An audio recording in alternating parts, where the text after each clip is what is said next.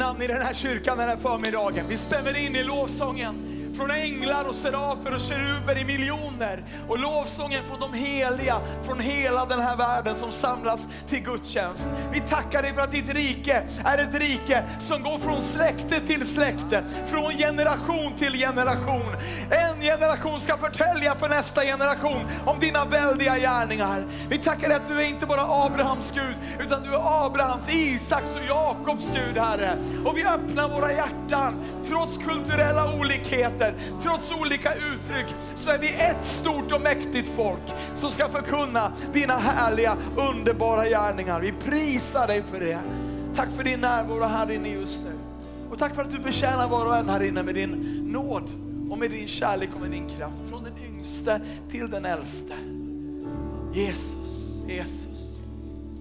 Under de här dagarna har vi sett Gud göra underbara helanden, både yttre fysiska och inre helanden. Helande från självskadebeteenden och psykisk ohälsa och också rena mirakel.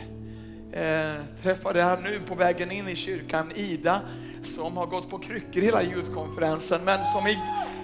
Var är du någonstans Ida? Där, hej! men som igår kväll kunde gå ut med kryckorna i handen, berörd av Guds kraft och fullständigt helad. Tack Jesus! Tack Jesus! Och om du är här nu i kyrkan och du har en sjukdom i din kropp, en, en som är yttre, som har med din kropp att göra, eller en som är inre, en som har med din själ och ditt hjärta att göra. Jag ska bara ta en minut här just nu. Om jag får be dig, om du vill ha förbön, bara allmän förbön av, av troende som står överallt i den här kyrkan, vill du bara lyfta upp dina händer i så fall. Och så sträcker vi ut våra händer nu mot dem som lyfter sina händer. Och så tror vi Gud att han som är Herren, vår läkare, han ska röra vid sjuka kroppar. Han ska lyfta eh, skadade själar. Och hans smörjelse, hans helige ande ska drabba var och en som behöver den på ett speciellt sätt den här förmiddagen. Fader, nu ber vi i Jesu namn. Kom med din kraft. Kom med hälsa, kom med en våg av liv Herre, in i varenda kropp som behöver det speciellt, in i varenda själ eller varenda hjärta Fader, som behöver din beröring till hälsa och styrka. Vi tackar dig för att vi kan proklamera den här dagen, profetera den här dagen, att genom hans sår har vi blivit helade att han är och förblir Herren, vår läkare. Vi tackar dig för en våg av styrka, en våg av liv, en våg av hälsa ifrån himmelen in i varenda kropp, in i varenda själ och in i varenda hjärta som behöver det. Tack Jesus. Jag prisar honom.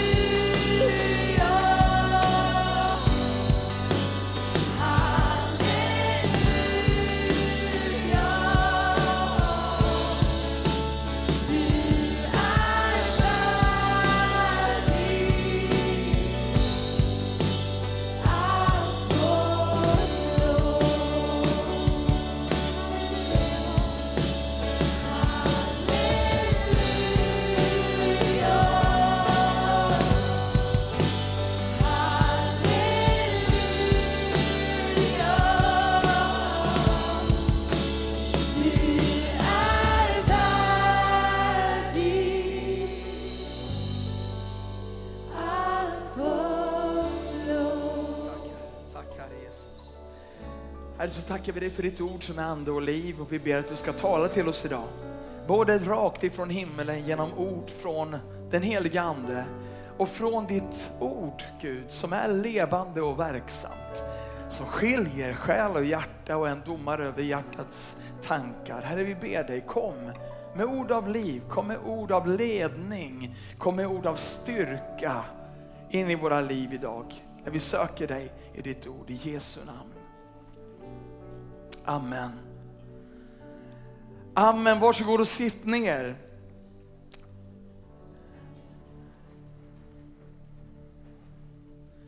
Tack Jesus. Det här är helt, visst är det här helt fantastiskt? Visst är det här helt fantastiskt? Att vi kan stå här en generation bredvid en annan och prisa Herren för hans väldiga gärningar. Ja, men jag kan inte alla sånger. Ja, men det är lite sekundärt i sammanhanget. Du kan klappa med i alla fall. Eller hur? Kan vi, även om vi inte kan sjunga alla sånger tillsammans eller hoppa lika högt allihopa, så kan vi vara med i hjärta och tacka Gud för att han är just Abrahams, Isaks och Jakobs Gud. Och det finns ingen vackrare syn än när generationerna står tillsammans och ger varandra erkännande och utrymme. Det finns inget vackrare än att se våra fantastiska seniorer i den här församlingen komma till kyrkan på morgonen under Youth och bre smörgåsar för att ge till den unga generationen och ligga på sina knän i bön för att det ska skapas ett utrymme där Jesus Kristus ska få märka 13-åriga, 15-åriga, 17-åriga hjärtan för den allra första gången. Ja, men måste det blinka en massa lampor? Ja. Jag kan säga så här.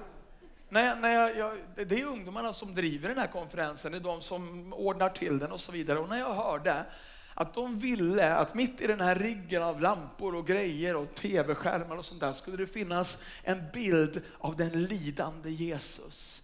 För att hela tiden påminna oss om att därför att han led så är vi fria. Därför att han dog så har vi liv. Då tänkte jag så här, det finns hopp för det här landet. Det finns hopp för det här landet. För det vi bygger är inte någonting annat, det vi bygger är en ny generation som med nya uttryck och på nya sätt får uttrycka en och samma tro på Fadern, Sonen och den helige Ande. Den tron som är överlämnad till oss och som vi ska skicka vidare från generation till generation. Sen tänker vi aldrig någonsin klä den nästa generationen i Sauls rustning. De behöver inte sjunga segertoner. De behöver inte vara någon sorts nutidskopia av vad vi var för 10, 20 eller 30 år sedan. Bara Jesus är i centrum. Bara anden verkar. Bara unga människor får livsavgörande, livsförvandlande möten med den uppståndne Jesus. Då står vi där och jublar. Då står vi där och applåderar och då står vi där och tackar tackar Gud för allt vad han gör från generation till generation. Kan vi säga amen i kyrkan? Sen är jag lite så personligt stolt för det är min dotter Evelina som har gjort den där skulpturen. Just say, it, just say. it. Hörrni, det här är inte bara ljussöndagens avslutning utan det är också den femte söndagen i vår temaperiod om Efesierbrevet. Så du får två möten för samma pris som ett. Hur bra deal som helst. Och jag vill bara sammanfatta nu, för nu vet jag att i kyrkan idag så finns det många som inte har varit på söndag nummer 1, 2, 3 och 4.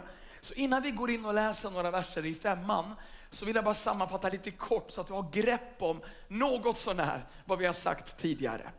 Vi började i Efesierbrevet 1 och där såg vi att Paulus talar om en ny förutsättning. Hela det kapitlet handlar om allt vi redan har i Kristus. Och han räknar upp sak på sak på sak som redan är fullbordad. Han säger att Gud har välsignat er med all den himmelska världens andliga välsignelse. Han säger att ni har fått barnaskap med Gud. Ni har fått syndernas förlåtelse. Ni har blivit utvalda för en världens grund var lagd. Och det enda som så att säga ligger i framtiden, det enda som ännu inte är klart och som måste ske, det är att våras ögon, våra, våra inre ögon ska få ljus så att vi förstår allt det vi redan har. Det är vad kapitel 1 grundläggande handlar om. Sen kommer kapitel 2 och det talar om en ny position. Att vi sitter i Kristus på Faderns högra sida, högt över alla andevärldens furstar och väldigheter. Och jag illustrerade det med en polis och, och talade just om detta med att den andliga auktoriteten som du har som troende, den bygger inte på din dagsform, utan på din position. Den bygger inte på din prestation, utan din position. En polis kan gå upp på morgonen och känna sig lite smådeppig och lite småhängig. Men när polisen ställer sig i gatan och sträcker ut sin hand så stannar bilarna i alla fall. För det handlar inte om polisens gåva eller personlighet, eller hur polisen mår just då, utan det handlar om det ämbete, den, den auktoritet man bär för att man är insatt i något större än en själv. Och så är det också med dig och din position i Kristus. Kapitel 3 talade vi om ett nytt perspektiv. Att vi kan, bara för att göra det pedagogiskt vettigt, dela in Bibelns historia i olika tidsåldrar. Och den här åldern som vi lever i nu, den här tidsperioden, har en, en ny en, en ny, eh, ett nytt uppdrag som Gud har introducerat, gå ut i hela världen och predika evangelium. Det finns en ny kraftkälla, den helige ande bor i oss. Det finns ett nytt uttryck för Guds riket, den levande Gudens församling. Och så kom vi fram då förra söndagen till Efesierbrevet 4. Och i Efesierbrevet 4 så börjar Paulus tala om vandringen.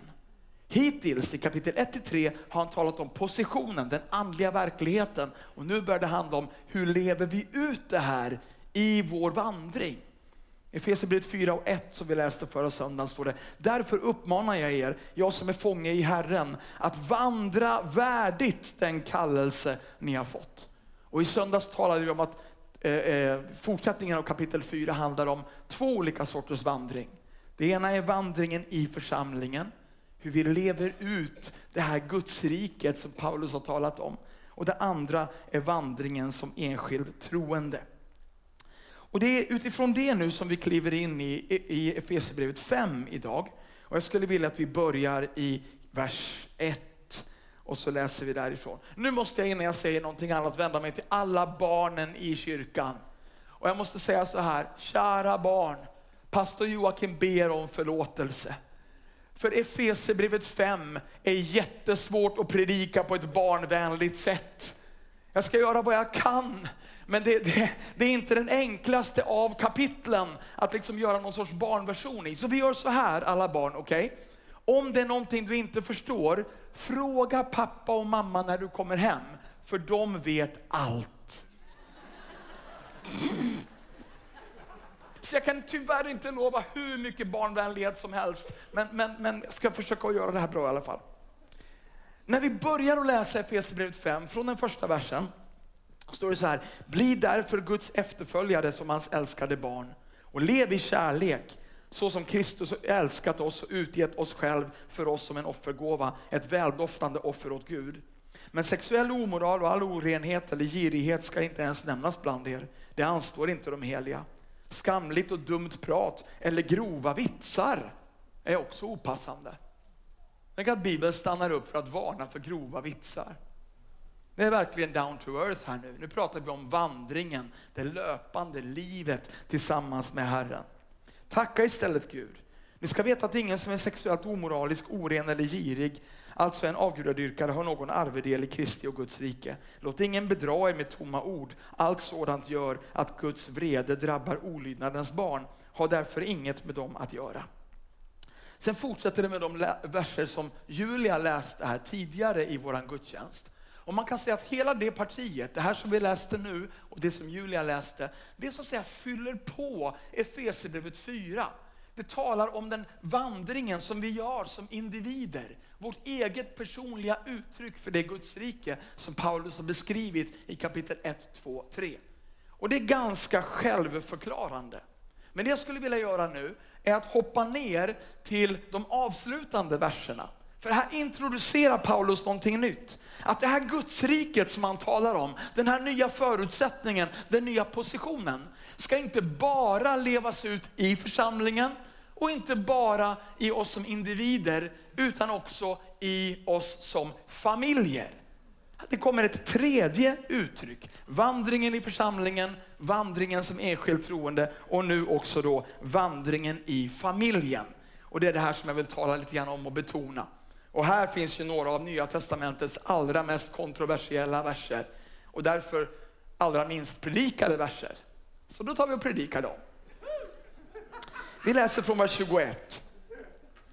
Underordna er varandra i vördnad för Kristus. Ni hustrur underordna er era män så som ni underordnar er Herren. En man är nämligen sin hustrus huvud, liksom Kristus är församlingens huvud och själv frälsare för sin kropp. Så som församlingen underordnar sig Kristus så ska kvinnorna i allt underordna sig sina män. Känner vi spänningen i kyrkan här just nu. Jag, jag citerar Jesus. Tro på Gud, tro och på mig. Det här kommer att bli bra. Jag lovar. Och några sneglar här borta undrar, var är Maria någonstans? Hon har åkt upp och hälsat på sina föräldrar, men hon hälsar så mycket till församlingen att hon backar upp allt jag säger idag. Okej, okay? det är inget statement att hennes stol är tom just den här söndagen, jag lovar. Nu fortsätter vi läsa. Ni män älskar era hustrur så som Kristus har älskat församlingen och offrat sig för den. Han gjorde det för att helga den sedan han renat den med vattnets bad i kraft av ordet och föra fram församlingen inför sig i härlighet utan fläck eller skrynkla eller annat sådant. Helig och fläckfri skulle den vara. På samma sätt är männen skyldiga att älska sina hustrur. Skyldiga att älska sina hustrur som sina egna kroppar. Den som älskar sin hustru älskar sig själv. Ingen har någonsin hatat sin egen kropp, utan man ger den näring och sköter om den. Så gör också Kristus med församlingen, eftersom vi är delar i hans kropp. Därför ska en man lämna sin far och sin mor och hålla sig till sin hustru och de två ska bli ett kött. Denna hemlighet är stor. Jag talar om Kristus och församlingen. Men vad er angår ska var och en älska sin hustru som sig själv och hustrun ska visa respekt för sin man. Det här är ju intressanta verser. Men det finns några tydliga sanningar som vi kan dra ut ur de här verserna. Så gå inte in i någon inre låsning nu och tyck att det här känns väldigt obehagligt och tråkigt och väldigt gammalmodigt. För det finns frihet i de här verserna. Kan vi säga frihet i kyrkan? Härligt! Det första som de här verserna eh, konstaterar, och det här är någonting som är här idag i Sverige är något av det absolut mest kontroversiella man kan konstatera. Så då tänkte jag konstatera det. Min första punkt. Män och kvinnor är olika.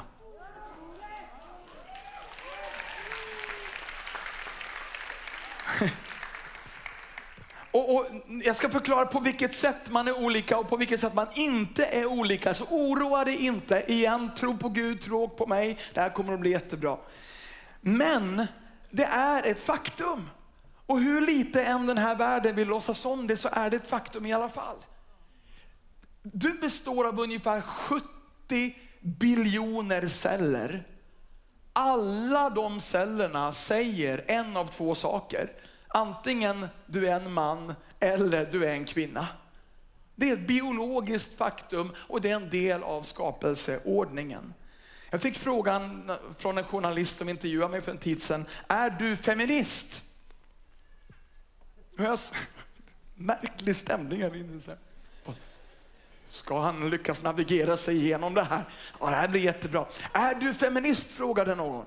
Och jag sa, ja, men förmodligen inte på det sätt som du definierar feminist.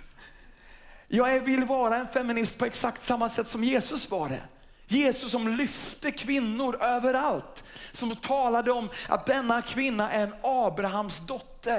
Jesus som tog en kvinnas parti mot skriftlärda och sa, inte heller jag dömer dig, gå och synda inte mer. Jesus som lyfte upp kvinnor, men jag är inte en feminist i dagens definition som har med någon sorts vänsterideologi att göra och sätter manlighet och kvinnlighet mot varandra. Mitt konstaterande är att vi är olika men vi är exakt lika mycket värda. Och Det vackra med det här är att det låser inte in någon utan det förlöser. I Guds rike är olikheter inga problem, olikheter är en förutsättning. Kroppen är en, lemmarna är många. Hela Guds väsen är mångfald. När Gud skapar hela skapelsen i början så skapar han inte en fisk, en fågel och en giraff. Han skapar ett myller av levande varelser. Han skapar inte bara vad som behövs för att skapelsen ska gå runt, utan han skapar med mångfald. Och på samma sätt så räcker det inte med bara en man eller en kvinna. Båda behövs för att olikheterna kompletterar varandra. Ehm, jag läste en, en, en historia här som jag tyckte var fantastiskt rolig. Eh, eh, som den här är kanske lite, den är, den är väldigt generaliserande på ett sätt, men, men den beskriver våra olikheter, hur vi tänker olika, hur vi kommunicerar olika och hur vi är olika på ett väldigt härligt sätt. Det är en kvinna som har skrivit det här för övrigt, så jag tyckte det är också lite roligt. Lyssna på det här. Emil blir förälskad i Anneli. Han bjuder ut henne att se en film, hon accepterar. De har trevligt tillsammans och några kvällar senare bjuder han henne på middag. De pratar och trivs bra ihop. De fortsätter att träffas regelbundet och efter en tid blir de ett par. En kväll när de kör hem kommer Anneli att tänka på en sak. Hon säger, fatta att ikväll är det exakt tre månader sedan vi gick ut första gången. Sen blir det tyst i bilen. Anneli tycker att det är en mycket ljudlig tystnad. Hon tänker för sig själv, jag undrar om det störde honom att jag sa det. Kanske la jag för mycket stress i relationen nu. Han kanske tror att jag försöker pressa in honom i en överlåtelse som han ännu inte är redo för. Emil tänker samtidigt, tre månader? Jaha. Anneli tänker, men jag är ju inte heller 100% säker på den här relationen ännu. Ibland önskar jag att jag hade lite mer utrymme, lite mer tid att tänka igenom om jag verkligen vill fortsätta framåt mot vad vi nu är på väg egentligen. Vi kanske inte kommer mycket längre än hit, här och nu. Är vi på väg mot äktenskap? Är vi på väg mot barn? Mot en livstid tillsammans? Är jag redo för den sortens överlåtelse? Behöver jag ens den här människan i mitt liv? Emil tänker, så det betyder att det var februari när vi träffades. Ja, det var det.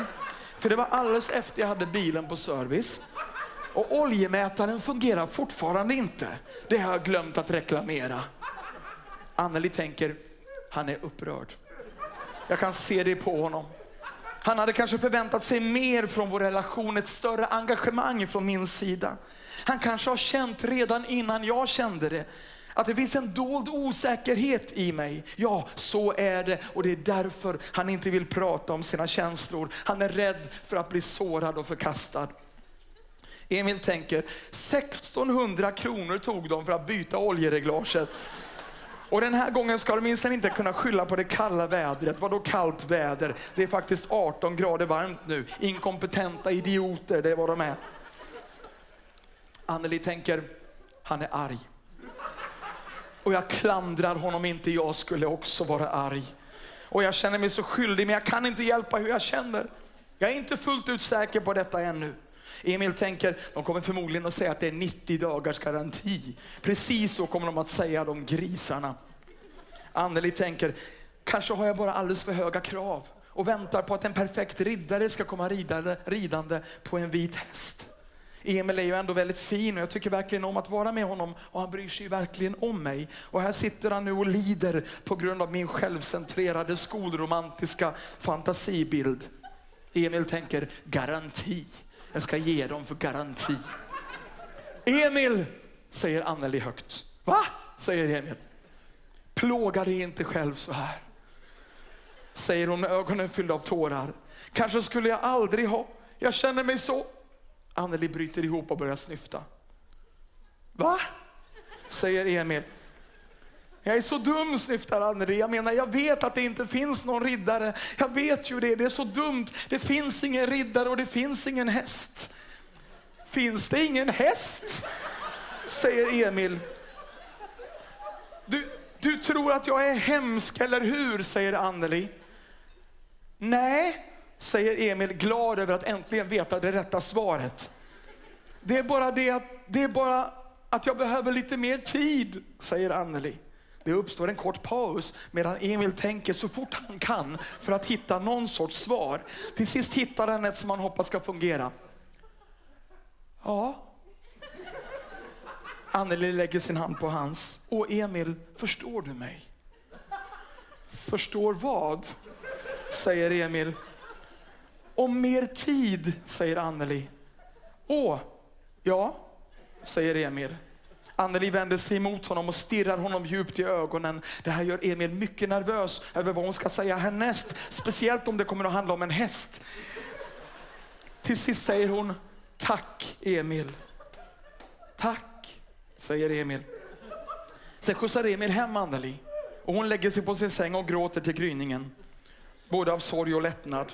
När Emil kommer hem till sig öppnar han en påse chips slår på tvn och blir på en gång djupt involverad i en repris av en tennismatch mellan två slovaker som han aldrig hört talas om.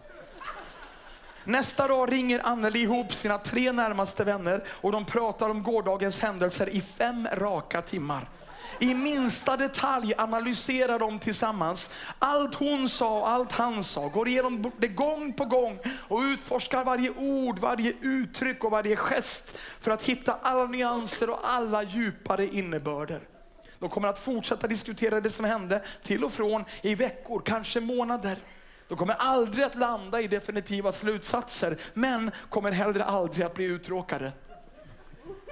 Några veckor senare spelar Emil badminton med en gemensam vän till honom och Anneli.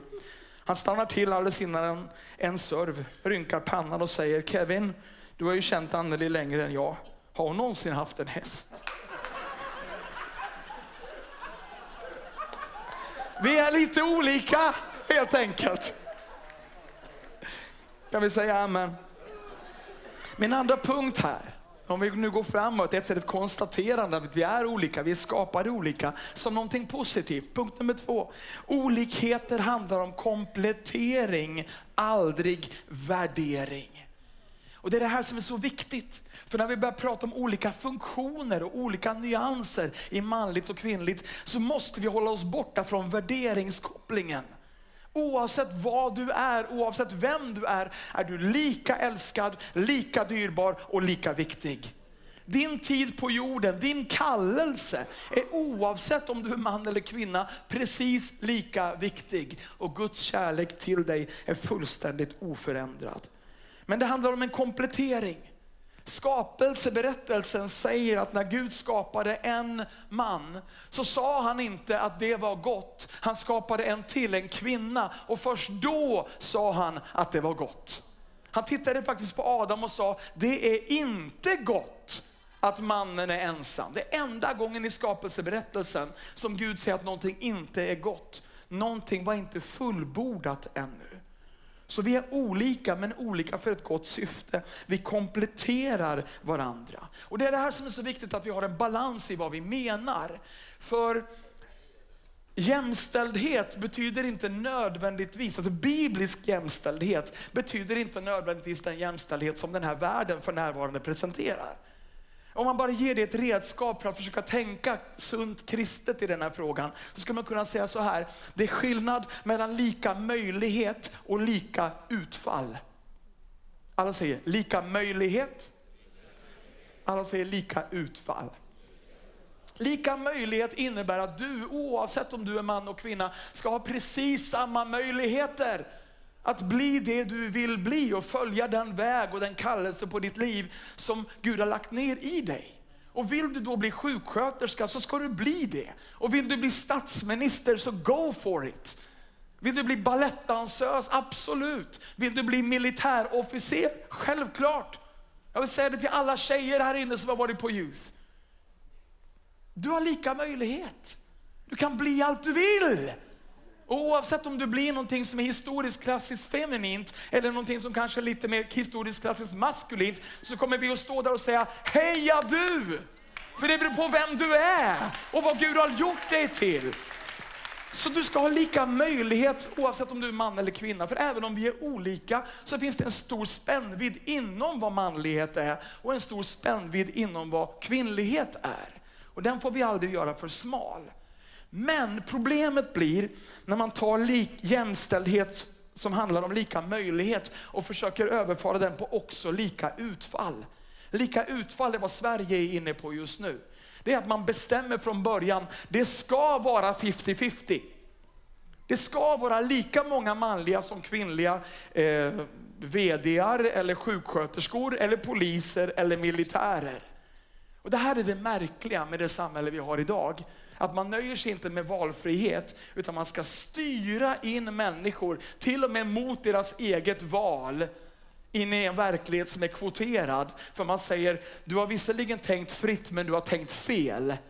Så nu ska jag hjälpa dig med, med lagstiftning och olika incitament för att få in dig i den folla som jag har bestämt vara rätt. Förstår ni vad jag menar? Och det är då man börjar kvotera föräldraförsäkring och sådana här saker och säger inte att välj själv, spring med det ni vill.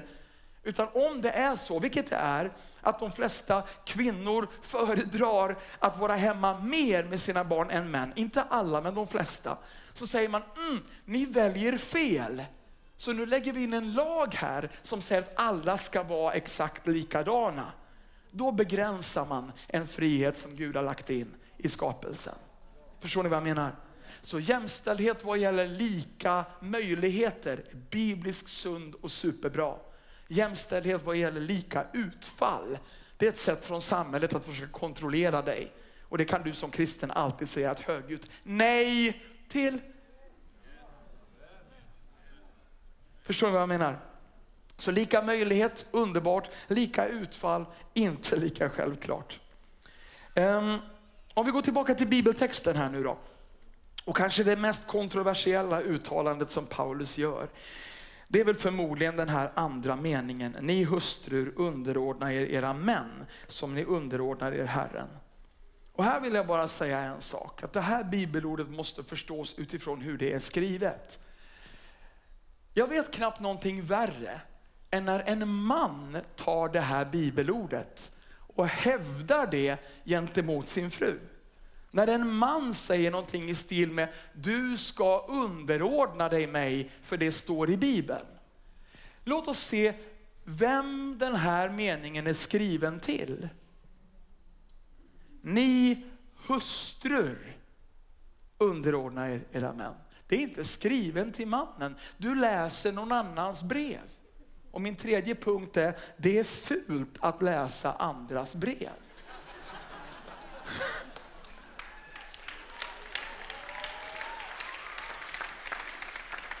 Om det plingar till i Marias mobil så går inte jag dit och öppnar den och läser det textmeddelande som hon fick. För jag respekterar hennes integritet. Det här är ett meddelande till henne. Och om du som man lutar åt det hållet att du använder ett sånt här bibelord för att på något sätt påskina att du har makten och alla andra ska förtryckas eller köras över, så har du inte fattat vad bibliskt ledarskap är för någonting. Det du ska göra, det du ska anstränga dig för, det du ska bekymra dig över, det är att se till att du älskar din fru så mycket och så intensivt och så passionerat som du bara kan. Och att du offrar dig för henne. Det är vad Gud säger till dig. Och om du gör den grejen så kommer nog allt att ordna sig. Problemet idag Problemet idag är inte kvinnor som inte underordnar sig. Problemet är män som inte tar sitt ansvar. Jag hör bra saker komma ut ur min mun här den här förmiddagen. Så det här är ett brev som är skrivet till kvinnan. Låt mig bara göra en liten reflektion här också. Jag räknade alla orden i det här sista partiet som vi läser och studerar nu. 45 ord är skrivna till kvinnan. 168 är skrivna till mannen. Vem verkar vara i behov av mest instruktion? Med andra ord, de här bibelorden ger inget utrymme för en man att på något sätt hävda någon sorts maktposition. Och det är det minst Kristuslika en man kan göra. Det är att använda bibelord eller sitt fysiska övertag för att dominera i sin relation. Detta är aldrig försvarbart överhuvudtaget. Jesus slår inte sin församling. Jesus har, övergriper sig inte på sin församling, han älskar församlingen. Och därför att han älskar församlingen och offrar sig för den, så vill vi också följa honom, så vill vi också leva med honom och så har vi också förtroendet för honom att lägga våra liv i hans händer. Kan vi säga amen? Fjärde och sista punkten för idag, när det gäller den här studien av de här sista verserna. Nummer fyra. Bibliskt ledarskap handlar om ansvar och tjänande, aldrig om makt. Bibliskt ledarskap handlar om ansvar och tjänande, aldrig om makt. För om det är så, jag menar, om då Bibeln faktiskt antyder, vilket den gör här, och det kommer vi inte undan, att mannen i en familj har någon sorts övergripande ansvar, så är det just ansvar vi talar om.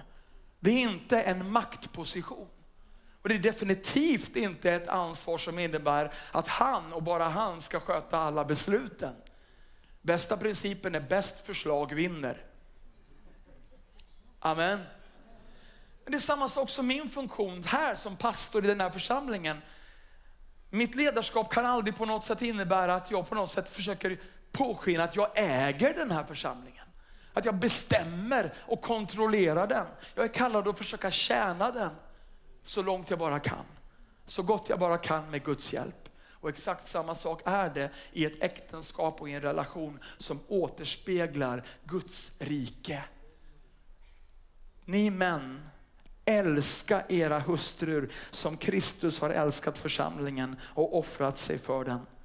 På samma sätt är männen skyldiga att älska sina hustrur. Om detta bibelord skapar någonting i mig så skapar det Guds fruktan. Det här bibelordet drar ner mig på mina knän. För så här ser jag det, lovsångarna kan komma upp igen. Så här ser jag det. Att när den sista dagen kommer, domens dag, och vi ska stå till svars för våra liv, så tror jag att, jag vet inte om det är så här, men jag kan tänka mig det. Så tror jag att eh, Maria, min fru, kommer att gå fram och göra räkenskap för sitt liv. Eh, och Evelina, min dotter, och Julia, min dotter, kommer att gå fram och göra räkenskap för mitt liv. Men jag har en liten känsla av att Efesierbrevet 5 antyder att när jag kommer fram så får jag göra räkenskap för mitt liv, men också få frågan, vad gjorde du för att förlösa Guds rike i din hela familj? Och det är inte så att vi inte har en bidragande, att vi inte har bidrag till det allihopa. Att det är allas gemensamma ansvar. Men så vitt jag kan förstå här så finns det någon sorts övergripande ansvar. Som en man antingen kan ta eller som han kan försumma. Och en sjukdom i våran tid idag är frånvarande pappor. Frånvarande män som tänker att man gör allt det man behöver göra enbart genom att jobba på ett jobb, tjäna pengar och sen kan man komma hem och titta på TV resten av tiden. Vi behöver en ny generation av män. Vi behöver en ny generation av ansvarstagande gudsmän som ställer sig upp och är det som de ska vara och tar ansvar och, och har ett ledarskap som är betjänande. Ett ledarskap som är utgivande och ett ledarskap som har ett enda fokus och det är att jag ska ta den här familjen och jag ska be för den. Jag ska ligga på mina knän för min frus skull och för mina barns skull och inte bara för min egen skull. Jag ska aldrig någonsin se den här familjen som ett redskap att utföra allt det jag personligen vill göra. Utan som ett ansvar som himlens Gud har lagt på mitt hjärta. Ett ansvar som vi delar tillsammans. Men som jag accepterar som ett andligt ansvar över min, mitt liv och min kallelse som make och som pappa. Och innan vi avslutar här ikväll så vill jag be en bön speciellt för dig som är man. Jag vill be för dig som är i ett äktenskap. Att Gud ska ge dig styrkan och, och kraften och visdomen men också ansvarskänslan. Att verkligen leva, som Paulus talar om, som en tjänare. Som en som ska älska starkare och kraftfullare än någonsin och också offra sig som Kristus offrat sig för oss. Men jag vill också be för dig som är ung kille och kanske varit här på Youth och som inte är i en relation ännu. Och så vackert att se här på torsdagskvällen var det. När temat för den kvällen handlade om sex och sexualitet och hundratals och hundratals ungdomar överlät sina liv, sin framtid och också sin sexualitet i Guds händer då är det allvar. Då är det på riktigt. Då är det inte bara ett känslobrus, utan det är djupa, livsavgörande överlåtelser. Men jag vill be för dig, för jag kände inför den här stunden, det finns många här, du kanske har växt upp utan en positiv manlig förebild. Din pappa kanske inte var den pappa han skulle ha varit. Men vet du vad, någonting nytt kan börja med dig. Någonting nytt kan börja med, med din generation. Och så bara vill jag be en välsignelsebön över alla familjer som är här. För som vi läser om i Efesierbrevet 5 och 4 så uttrycker vi Guds riket, inte bara i församlingen, inte bara individuellt, utan också i och genom våra familjer. Vi ställer oss upp tillsammans i Herrens närvaro. Tack Herre. Tack Herre Jesus. Herre, vi tackar dig för vad ditt ord säger. Även när du säger saker som kanske inte är politiskt korrekt.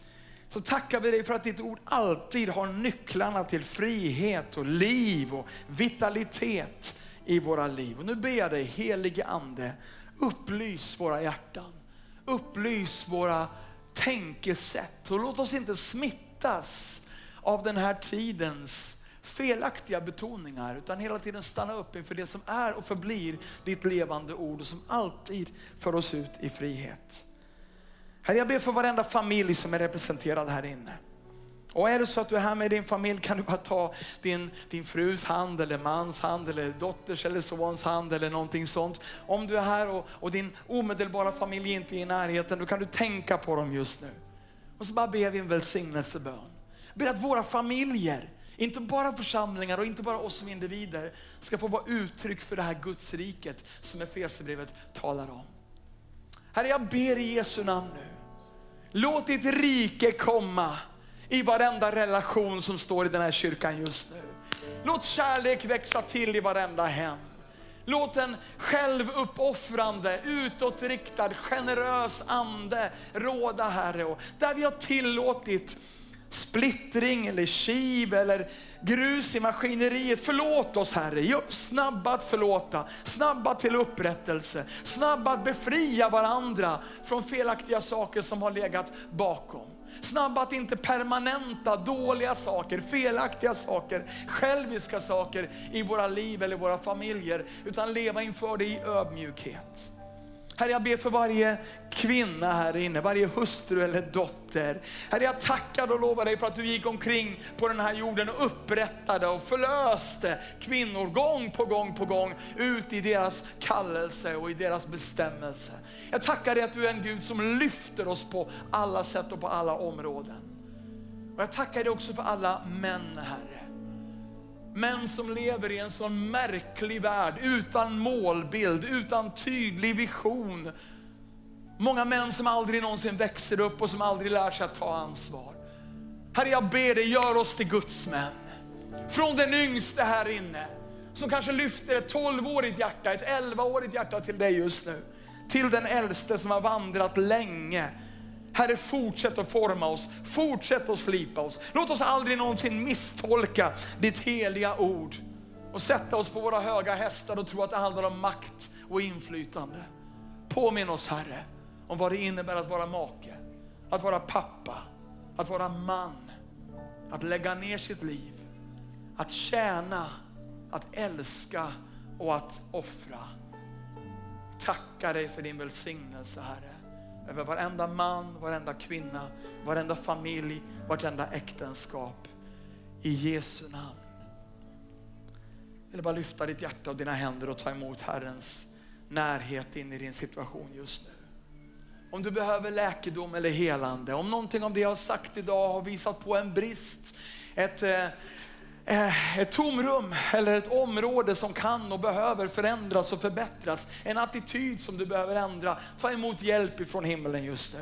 Hjälp ifrån himlen just nu. Heliga Ande, heliga Ande, heliga Ande. Tack att du betjänar över hela kyrkan Herre. Betjäna med liv och hopp. Där det har funnits felaktiga tankemönster eller, eller eh, beroende situationer. Tackar dig för att du löser människor ut i frihet. Spräng varje boja, lös varje band och kom med en underbar frihet som tillhör Guds barn. Åh, oh, halleluja. Ska vi bara be i den heliga anden en liten stund. Herren vill förlösa någonting på insidan av dig. Åh, oh, lyfta din, din manlighet, lyfta din kvinnlighet, lyfta dig till den han har skapat dig till att vara. Låt oss bara börja be här och nu och förlösa någonting i den heliga ande. Åh, oh, tack Jesus, tack Jesus.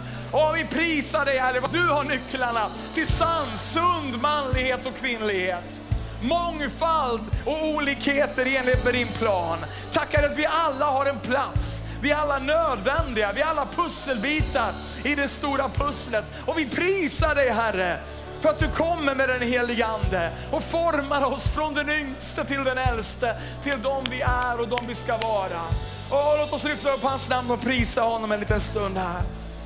Jesus.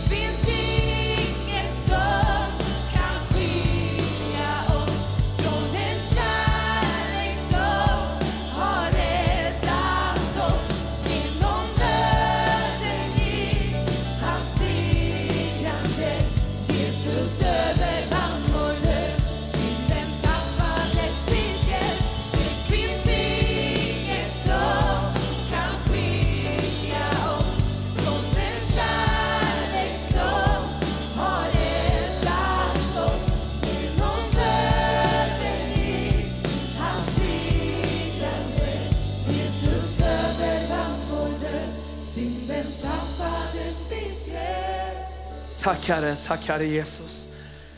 Medan vi står inför Herren så är det en sak till jag vill lägga till de här tankarna jag har delat idag.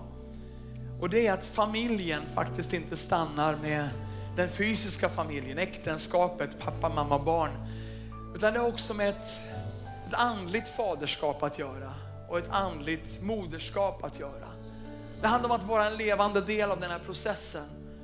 Att verka ut det rike som är Abrahams, Isaks och Jakobs Guds rike.